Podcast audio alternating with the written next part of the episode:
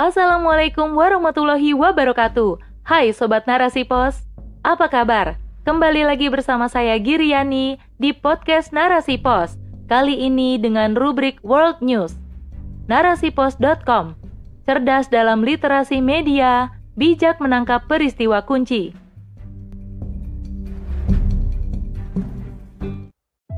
Potret pilu Muslim anak benua, derita umat yang tak berjunah oleh Rosmiati. Umat Islam di distrik Gurugram Haryana, India mendapat larangan untuk menunaikan sholat Jumat di lokasi yang bahkan telah ditentukan oleh otoritas pemerintah setempat dari kelompok Hindu sayap kanan dengan dalih banyak penduduk sekitar yang keberatan. Larangan beribadah bagi kaum muslimin ini tentu bukanlah yang pertama semenjak Partai Hindu Bharatiya Janata Party atau BJP, pimpinan pemerintah berkuasa. Setidaknya sudah terjadi beberapa kali tragedi pilu melanda umat Islam di beberapa negara bagian di India. Dan umat Hindu sayap kanan inilah yang tampil sebagai pelopor setiap aksi tersebut. Dilansir dari ihram.com, Polisi bahkan menangkap beberapa pekerja dari kelompok Hindu sayap kanan di lokasi yang sama setelah mereka mencoba mengganggu kaum muslim yang tengah beribadah. Bahkan kelompok Hindu sayap kanan ini berani mengancam pihak keamanan jika tidak segera menutup izin sholat Jumat. Mereka akan berjalan sendiri melakukan tindakan. Dan akhirnya, pada 2 November lalu, pemerintah sendiri telah mencabut izin sholat Jumat di 8 dari 37 lokasi. Karena masifnya laporan keberatan dari penduduk sekitar. Tak hanya itu, serangan kekerasan terhadap muslim juga telah terjadi di negara bagian Tripura pada bulan lalu. Toko-toko kaum muslimin serta tempat ibadah dirusak oleh kalangan radikal Hindu. Menurut Asosiasi Perlindungan Hak Sipil, setidaknya 16 masjid dirusak dan rumah serta toko milik muslim dibakar. Kelompok itu mengatakan setidaknya ada 27 insiden masa sayap kanan yang dikonfirmasi menyerang masjid, rumah, dan individu di wilayah muslim. Malang nian nasib muslim di anak benua, mengapa bisa terjadi? Ilusi kebebasan di dalam demokrasi apa yang dialami penduduk Muslim di anak benua adalah potret dari pengkhianat sistem demokrasi yang hari ini tengah diemban dunia, termasuk India. Pasalnya, di dalam konsep hidup berdemokrasi, ruang kebebasan dibuka lebar, termaksud di dalamnya kebebasan beragama. Tetapi fakta berkata lain, kebebasan itu tak berlaku atas kaum muslimin.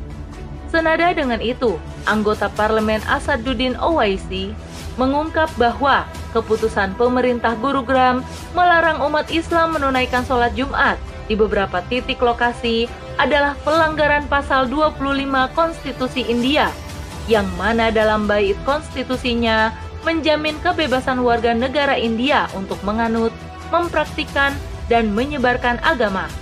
Maka, Bagaimana mungkin ada segolongan umat yang dilarang? Inilah tafsir ganda kebebasan di dalam sistem demokrasi. Apa yang didengung-dengungkannya nonsens atas umat Muhammad. Tak hanya di India, bahkan di seluruh dunia, semua mengalami hal yang sama. Sejarah panjang Islam di India. India, meski kini didominasi oleh umat Hindu-Buddha, negeri ini pernah hidup berabad-abad lamanya dalam naungan khilafah Islamiyah.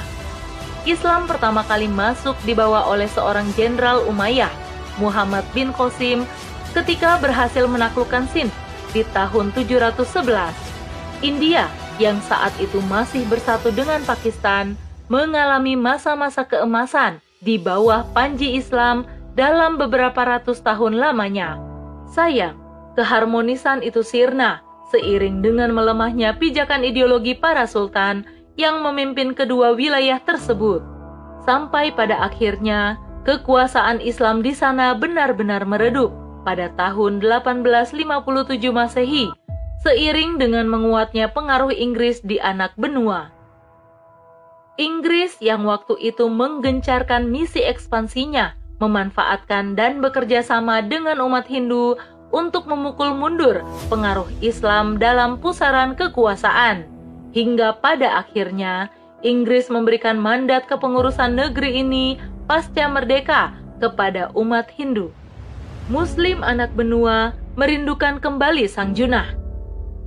Umat Islam di India jumlahnya mencapai 15% dari populasi penduduk India yang jumlahnya 1,39 miliar jiwa. Sayangnya, umat Islam yang besar ini tak merasakan ketentraman hidup. Mereka diliputi ketakutan dan menjadi sasaran represif dari rezim yang tengah berkuasa. Semua ini akibat dari tak adanya junah atau pelindung atas umat Islam di seluruh dunia. Kini, umat Islam hidup tersebar di beberapa negeri diatur oleh pemimpin-pemimpin sekuler yang bahkan anti-Islam. Tak ayal bila mereka menjumpai nestapa sepanjang jalannya. Pemimpin-pemimpin di negeri mayoritas muslim juga tak bisa berbuat banyak selain mengecam karena terpasung oleh batas negara dan larangan untuk ikut campur terhadap urusan internal negara lain, maka pupus sudah harapan umat untuk mendapat pembelaan dan perlindungan.